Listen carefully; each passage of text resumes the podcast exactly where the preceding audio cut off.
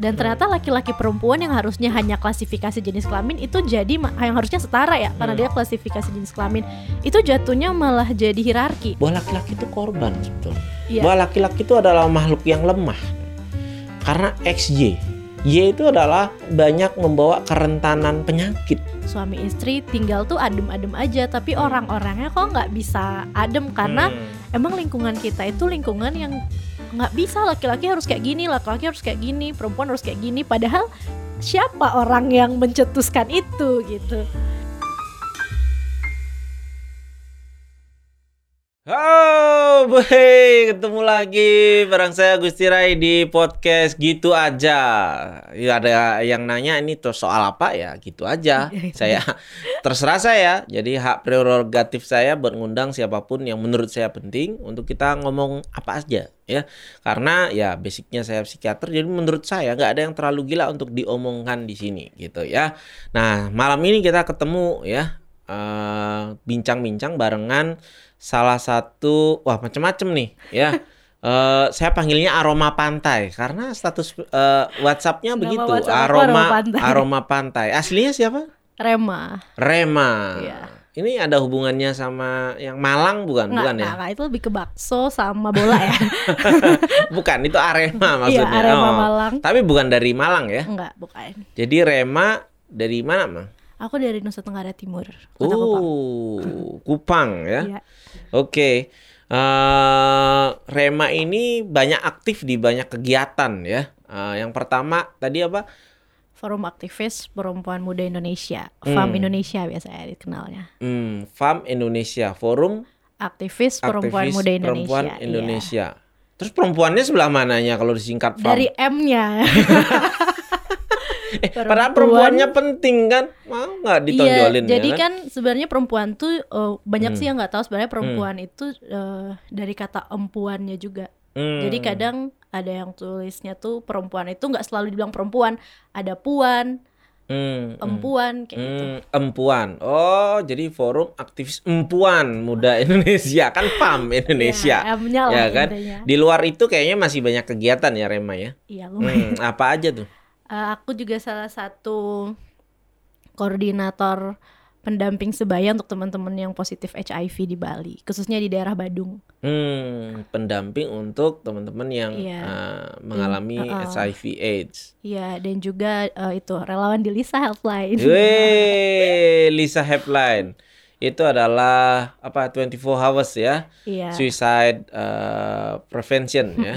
Hmm, ini salah satunya kalau ada yang pernah menghubungi sana adalah Aroma Pantai. Ya, siapa tahu ternyata aku yang angkat Iya. Nah, kita ngomong ini, kita eh, apa ya? Kita take ini saat masih suasana Sumpah, Sumpah Pemuda. Pemuda, 28 Tapi itu aja su- kita nggak enak dong ngomongin kesetaraan apa namanya wanita eh, perempuan Mm. itu di Sumpah Pemuda. Kenapa Karena gitu? kenapa tidak namanya Sumpah Pemudi? Nah, Sebenarnya Ah, itu pun menjadi pertanyaan aku Nah, ya. hmm. Kenapa cuman kalau aku lihat dari dulu hmm, nggak cuman di Indonesia, Hmm, di hmm. dunia dari dulu emang apa-apa pasti laki-laki yang didahulukan Hmm, kan. hmm, Itu kenapa orang bilang kalau Indonesia adalah negara patriarki. hmm. Kenapa nggak sumpah Emang pemuda-pemudi? kalau di luar gimana coba? Eh, dulu pun kayak gitu sampai kalau Hmm. sekarang udah lebih banyak kesetaraan tuh di Amerika. Tapi di Hmm, negara di pada negara-negara maju pun dulu awalnya emang patriarki masih Emang kalau di luar negeri bahasa Inggrisnya apa? Apa nih? Kan nggak ada pemuda-pemudi kan sama aja kan? Adult, teenage. Iya ya bener, kan? cuman dalam Hmm. beberapa hal tuh kayak misalnya orang ngomong manusia itu man, tapi kalau ngomong man tuh pasti kita langsung ke cowok kan. Rich man kita langsung ke cowok, padahal Hmm. rich ada rich people man, gitu dong. uh, uh, maksudnya. ada rich man yang juga dia perempuan, jadi man di sana Hmm. sebagai manusianya. Tapi saya menentang loh itu loh. Sebelum kita ngomong ke Oke, sana ya, kita ah. jadi ingat. Jadi sebenarnya menurut saya bahasa Indonesia itu yang tidak terlalu gender. Iya, oriented. karena apa? Ya karena jarang pak kalau di luar kan pakai he she Oh, ya iya. kan man woman ya. Kalau di sini, sini mah dia, dia. gitu. Dia itu bisa cowok cewek cewek-cewek, ya iya. kan. Kamu cowok cewek kita jarang ngomongin gendernya Iya, sebenarnya benar. Kalau Hmm, dari ba- bahasa Bahasanya. ya, kata ya. dan sebenarnya menurut saya nih ya sumpah pemuda kenapa namanya pemuda pemuda itu nggak pernah artinya cowok loh sebenarnya Iya. pemuda itu artinya anak muda Iya. sebenarnya Benar. Iya kan karena memang tidak ada kata pemudi sebenarnya aslinya itu ya kan kayak iya bener Hmm, dok jadi hmm. emang kalau kata pemudi itu kayak karena emang kayak pemuda jadi bahasa eh, ininya biasanya banyak Hmm. banget sih yang AI AI itu Hmm, cewek cowok Padahal belum tentu Iya, yang yang benar. A itu artinya buat cowok. ya iya aku sih nangkepnya juga pemuda artinya ya kaum muda pada saat Hmm, itu Makanya itu sumpah pemuda. Woi, faedah banget ya podcast Iya. kita hari Padahal ini. pasti banyak juga yang nggak tahu Padahal kita baru menemukannya. ya. iya Baru tahu. baru tahu saat ngobrol kan nah, itu. Nah, apa nih yang kita perlu obrolin? Kenapa sih hal ini penting gitu kan? Mm. Soal membicarakan kesetaraan. Banyak orang ya berpikir eh bukan saya. Iya, Banyak oke. orang yang berpikir. itu berpikir bahwa buat apa ngomongin kesetaraan? Bukannya udah setara ya? Presiden aja Indonesia udah ada yang cowok Ada, ya kan? Sekarang kebanyakan yang pinter-pinter di kelas banyak kan cewek ya Benar, kan? Seperti benar. itu kan? Eh, di posisi-posisi tertentu di berbagai macam perusahaan tuh top leadnya adalah ada cewek, cewek ya. ya kan? Jangan-jangan udah setara terus buat apa dia mau ngomongin? Nah gimana benar. tuh mak sebenarnya banyak sih yang bilang kayak gitu cewek tuh apa sih maunya sama aja sama cowok gitu Hmm. sedangkan kalau kita ngomongin setara ngomongin keadilan itu artinya punya kesempatan yang sama di berbagai hal Hmm. Eh, cewek tuh bahkan ketika dia setara pun kadang itu nggak setara lebih ke dia tuh punya beban ganda Hmm. contohnya dalam rumah tangga ya dok ya Hmm. Eh, istri itu selalu dikasih kerjaan-kerjaan domestik Hmm. sementara laki-laki bekerja ya.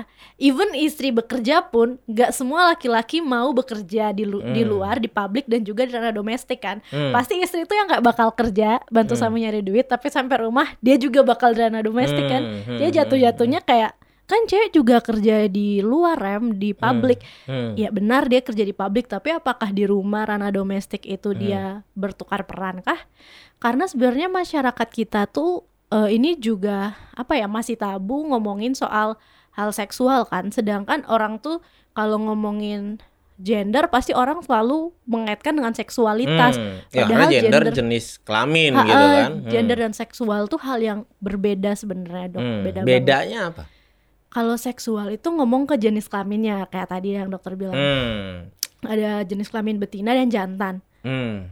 Eh, kal- eh, sedangkan kalau gender itu ngomongin peran-peran yang melekat pada si betina dan jantan itu yang kalau Hmm. kita sering sebutnya laki-laki perempuan ya. Wah, Jadi, Jadi, bisa kalau- jadi perannya beda-beda. Benar, Hmm. bisa dipertukarkan. Jadi kayak kalau eh, seks itu kan cewek cowok ya. Hmm, hmm. Jadi itu lebih ke hal-hal kodrati. Kayak Hmm. perempuan tuh apa sih? Ngelahirin, Hmm. menstruasi. Cowok tuh Hmm. apa sih? Iya, Cok. Padahal Punya- saya pengen banget loh sebenarnya, Oh. ya kan melahirkan, Oh, iya. menyusui, ya kan. Tapi maksudnya itu kan udah kodrati ya. Ah. kayak cowok juga Hmm. yang eh, nggak bisa hamil ya dia Hmm, pastinya tapi hmm. dia punya penis segala macam Hmm, cewek kan enggak ya hmm, kalau hmm. kita ngomongin kayak gitu Hmm. nah itu adalah hal kodrati yang terbawa secara alami lah Hmm. itu hal-hal seksual kan sedangkan kalau gender itu peran yang sebenarnya bisa dipertukarkan kayak Hmm. kan ada yang kalau cewek tuh mau Jadi disayang kalau di Indonesia kan kalau misalnya dapur itu istri perempuan. ya bener ya kan? perempuan Eh, kalau kantor itu eh, Laki-laki. laki-laki.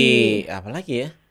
Nah, kalau mesin cuci ya, Oh. perempuan. ya bener kan? bener bener Eh, padahal enggak juga Padahal loh. nggak juga, Ya, enggak soalnya juga. Hmm. eh, itu tuh sebenarnya bisa dipertukarkan gitu Hmm, kayak peran kepala keluarga sendiri tuh harus laki-laki atau perempuan itu bisa Hmm. dipertukarkan. hmm, Ketika bapaknya nggak ada di rumah yang akhirnya mengambil peran hmm, ibu gitu. hmm. Ketika ketika ibu nggak di rumah mungkin yang Tapi mengambil dalam dalam hal isu kesetaraan tuh sebenarnya masih relevan nggak sih kepala rumah tangga? Nah, Ya sebenarnya kan harusnya setara kan? Nggak- Iya, Nah, benar. Gimana tuh? cuman kan eh, kalau ngomongin kepala rumah tangga sama kayak di perusahaan nih. Hmm? Eh, kalau ngomongin kepala memang harus butuh leader ya. Oh harus ada. maksudnya leader tuh kan posisi. Hmm, Entah siapa yang memegang peran sebagai kepala keluarga itu adalah hal Hmm. yang bisa diperundingkan gitu. hmm, Jadi nggak harus cewek, nggak harus cowok. Hmm. Walaupun kebanyakan cowok ya. Misalnya sekarang kalau ngomongin pola keluarga, otak kita pasti udah bapak gitu. hmm, hmm. Terus kalau nggak punya bapak gimana? Ibu bisa kok ngambil peran itu. Hmm, apalagi kalau kita ngomongin nantinya misalnya eh, apa single parent ya. Benar. Jadi punya peran sebagai ayah dan Ayah ibu. dan ibu. Jadi peran laki-laki dan perempuan ya kan hmm nah ini makin seru nih ya kan ha, tapi gini loh ada yang menggelitik ya nih. Mm-mm. kenapa kalau aktivis kesetaraan gender itu biasanya umumnya adalah perempuan Iya. Ya se- jarang kita ketemu ya kan Baik. siapa aktivis kesetaraan gender itu laki-laki padahal kan namanya judulnya kesetaraan gender Ah, ah, ya kan Baik. Hmm. Nah, sebenarnya beberapa beberapa influencer juga banyak sih yang ngomongin kesetaraan Hmm, gender hmm. ya. Eh, aku pernah dengar juga Raditya Dika ngomongin Hmm. soal itu, Deddy Kobusier juga. Hmm. Cuman mungkin mereka nggak segencar yang lainnya, nggak segencar Cinta Hmm. Laura mungkin ya. Dan mungkin kenapa perempuan yang selalu bicara karena emang Hmm. korbannya kebanyakan perempuan. Hmm. Eh, kadang laki-laki itu nggak sadar mereka korban deh. Hmm. Kayak kita nih ya Hmm. dok ya. Laki-laki tuh lebih jarang diizinkan untuk mengekspresikan dirinya. Ketika sedih menangis rasanya Hmm. dosa Ah, ya. ini yang namanya toxic masculinity Iya, ya toxic kan? masculinity. Padahal kalau menurut dokter sendiri gimana sih? Hmm. Maksudnya kan perasaan ya. Pak kalau saya sendiri ya kadang-kadang gini berpikir sulitnya apa ya Eh kalau saya ya Hmm. anak empat ya pengen loh banyak waktu sama anak-anak Mm-mm. kadang tuh bosen juga suruh kerja ya kan? Andaikan misalnya ada yang bisa kerja ya kan? Saya yang ngurus anak-anak di rumah. Pengen. Hmm pengen banget kayaknya enak ya. Nungguin antar anak sekolah ya kan? Itu kan dirindukan banget ya. Jangan-jangan kita ini emang manusia yang tidak pernah puas ya kan? Jadi ke- dapat kesempatan ngurus anak-anak ngeluh Ngeluh, ya kan eh kebanyakan kerja nggak dapat ketemu anak-anak ngeluh juga. Tapi saya eh, saya setuju ya ada pergantian peran Iya, itu. Jadi saling mengisi. bisa dipertukarkan. jangan salah loh saya banyak ketemu klien-klien di mana istrinya bekerja suaminya diam di rumah. Nah, bahkan mereka gurau saya nih eh, pria rumah tangga dok gitu kan. Suami rumah Suami tangga, rumah tangga. Ah, ya kan? Ayah ru- rumah tangga jadi dia yang mengurus anak-anak ya kan makan mungkin nggak ya, ya mungkin nggak masak tapi ya ngurusin makannya pakaiannya antar anak sekolah dan sebagainya Hmm. gitu loh mereka berdua akur-akur aja ya kadang sulit adalah lingkungan, Lingkungan sekitarnya sekitar, keluarga benar. besarnya gitu Benar. kan padahal mereka berdua enjoy enjoy aja nah ada komentar nggak? Ya pasti ada dong. hmm. Karena kalau ngomongin lingkungan sekitar, kita bakal balik lagi ke patriarki tadi. Hmm. Karena emang musuh besar feminis itu adalah patriarki ya. Hmm. Orang sering bilang eh, rem feminis, eh, jadi feminis itu adalah gerakan kesetaraan Hmm. secara keseluruhan gitu Hmm. sosial. Nah orang sering bilang eh, rem feminis tuh artinya benci laki-laki ya? Enggak, Hmm. kita nggak benci laki-laki dong. Iya Nggak dong, kebanyakan dong. ah, feminis nikah kok sama Iya, laki-laki ya. bener. Hmm. Maksudku adalah dia kita nggak benci laki-laki, kita lebih ke benci eh, patriarkinya gitu. Hmm. Kadang gini kayak tadi dokter bilang, suami istri tinggal tuh adem-adem aja, tapi Hmm. orang-orangnya kok nggak bisa adem karena Hmm. emang lingkungan kita itu lingkungan yang nggak bisa laki-laki harus kayak gini, laki-laki harus kayak gini, perempuan harus kayak gini. Padahal siapa orang yang mencetuskan itu gitu. Hmm. Dan sebenarnya itu terjadi karena pengalaman kita sebelumnya, karena Hmm. pengalaman yang bilang ini harus kayak gini, ini harus kayak gini. Padahal kalau kita mencoba hal lain, kayak dipertukarkan, sebenarnya Hmm. kalau dijalani baik-baik aja kan. Nah, artinya kan itu bukan sebuah apa ya yang baru-baru ada sekarang. Benar. Nah, kalau nah tadi kita akan ngomongin soal patriarki. Wah, ini menarik nih Bakal bahasannya. nih. Ah, next kayaknya kita akan ngomongin soal patriarki dan di berbagai budaya ya. Iya. Ah, itu sih barangkali ya. Nah, kita ngopi dulu sama ya berhubung ini bukan endorse ya, cuman emang dikasih ya kan. Tapi Kopi Kak sih, Dukuh. Ya. Hmm, kalau Kak Dukuh itu Dukuh kayaknya bahasa Indonesia lah ya, semua orang tahu ya. Orang kopi orang di dusun nih gitu ya dibuatnya. Hmm, kintamani eh, biasanya kecut-kecut gitu, ya kan? Nah, ini bahasannya berat soalnya, apalagi saya laki-laki nih. Oh, Kayaknya saya bakal dijudge nih, ya kan? Patriarki ini sebenarnya kayak gimana sih?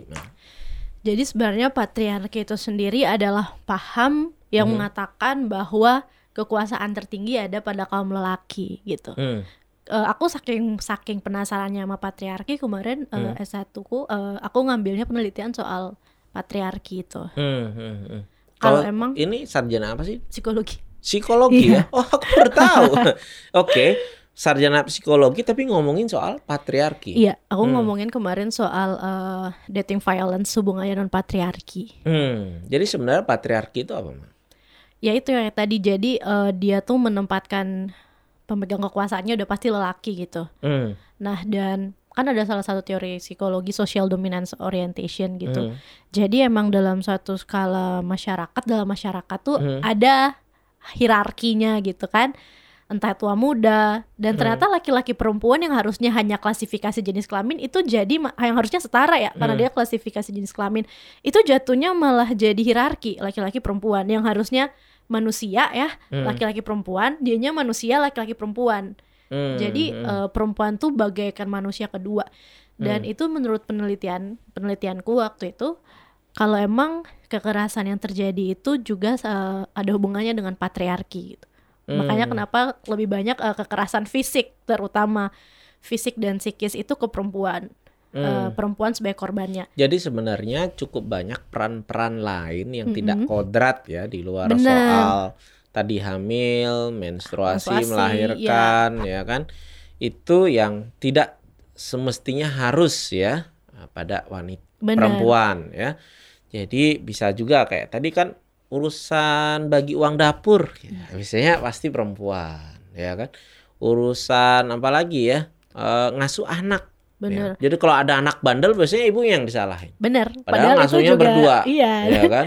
Dan Hmm. juga sama kayak masak deh. Masak Hmm. tuh pasti ya selalu cewek gitu. Kayak Hmm. cewek kalau bisa masak tuh kayak ya ampun lu sempurna Hmm. banget sih jadi cewek bisa Hmm. masak gitu. Padahal Tapi masak itu- seberapa besar sih ya sekarang pertanyaannya patriarki ini apakah terjadi di seluruh apa namanya eh, daerah di seluruh budaya? Ah, Karena kan oke. saya pernah dengar juga kalau nggak salah di Sumatera Barat misalnya Mm-mm. itu lebih ke wanita dong. perempuannya iya. kan? Sama di eh, NTT tuh ada dua aku lupa satu atau dua daerah Hmm. itu yang lebih ke perempuannya. Dia Hmm. eh, matrilinear. ya. Hmm. Iya, tapi di daerah yang aku tinggali beberapa daerah yang pernah aku tempati di sana Hmm. emang aturan dari adat istiadatnya emang sudah seperti itu patriarki dan patriarki pun sering kali di satu eh, di apa ya dibungkus dalam nama agama gitu kayak Hmm. imam harus laki-laki hal-hal Hmm. yang kayak gitulah Hmm. kayak oh kan kita menggambarkan Tuhan itu aku ngomongin Kristen kan aku Kristen ya Hmm. Eh, tidak mewakili Kristen lainnya tapi aku Hmm. mewakili akunya Hmm.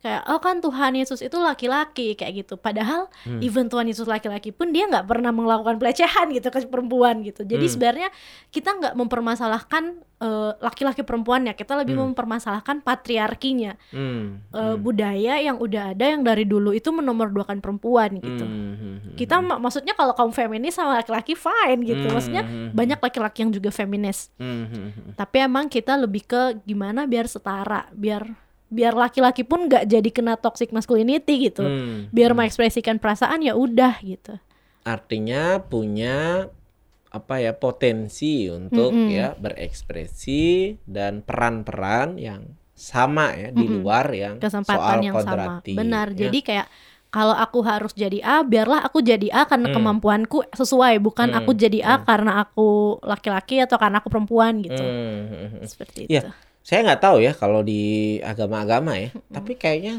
hampir semua agama mengajarkan mengajarkan bahwa Tuhan itu tidak laki-laki dan tidak perempuan. iya Iya benar kan? nggak pernah Nah, kalau di Hindu ya, karena saya Iya. Hindu, ah, bahkan ada namanya. Jadi Tuhan tuh Ardhanariswari, jadi tidak laki-laki, Tidak tidak, perempuan. perempuan. ya kan? Eh, apa namanya ma- macam-macam, bahkan acintia, tidak terpikirkan gimana bentuknya, gimana apanya. Jadi, abstrak lah ya mm-mm, tapi entah kenapa terpatri di pikiran orang kalau Tuhan itu biasanya laki-laki ya, Iya. entah karena apa ya, kita nggak tahu. Tapi yang pasti diajarkannya tidak demikian sebenarnya, ya. Dan bahkan ini nggak tahu ya, ini cocok logi saya ya. Banyak orang tuh berpikir gini, laki-laki tuh tugasnya melindungi perempuan. iya Kalau dalam sudut biologi itu agak perlu dipertanyakan.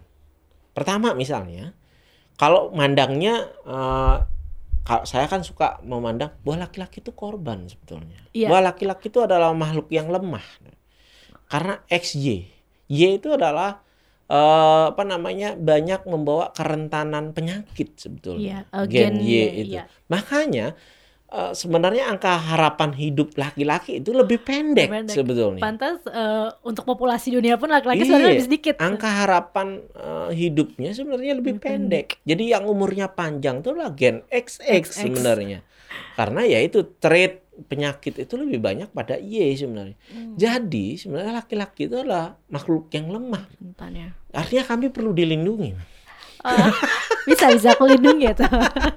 Oh enggak, tapi gini, Tuhan tuh maha adil ya. Di penyakit apa pun ya, misalnya kayak depresi gitu ya, lebih banyak pada wanita. Tapi sekalinya yang laki-laki kena, Kena, paling bahaya, keras, bahaya. lebih keras, lebih fatal biasanya. Apa pun biasanya begitu Tapi kan. itu kalau kayak ngomongin depresi nih kebetulan Hmm, aku sama hmm, dokternya aku hmm. mau ngobrol. Itu bisa nggak sih terjadi karena eh ini juga cocok loginya aku ya. hmm. Kayak kan kita di sini tuh lingkungannya kayak toxic masculinity. Hmm. Kita tuh kayak laki-laki jadinya kalau sedih kalau lu nangis tuh lu banci banget sih. Maksudnya kayak lu kalau Hmm. nangis tuh lu parah sih. Bu, justru omongannya gini, oh, jangan kayak jangan cengeng lah kayak cewek. Kayak cewek kayak ya seolah-olah kan? menangis itu adalah tugas Oh. orang perempuan. A- gitu. atau ketika anak laki-laki ini nangis gitu ya, eh jangan keras-keras nangisnya nanti dipikir mama punyanya anak cewek. Iya kan? Jadi kan gitu kayak kan? seolah-olah Hmm. laki-laki nggak boleh nangis kan. Oh. Itu bisa jadi Hmm. faktor depres nggak sih? Maksudnya makanya depresinya ya mereka tuh ada lah hal lebih semacam itu ya eh dan ya memang depresi lebih sering pada wanita kaitannya juga dengan hormonal ya dan Hmm. kemungkinan apa fluktuatif hormonalnya itu lebih sering ya. Bayangkan nih dari menstruasi tiap bulan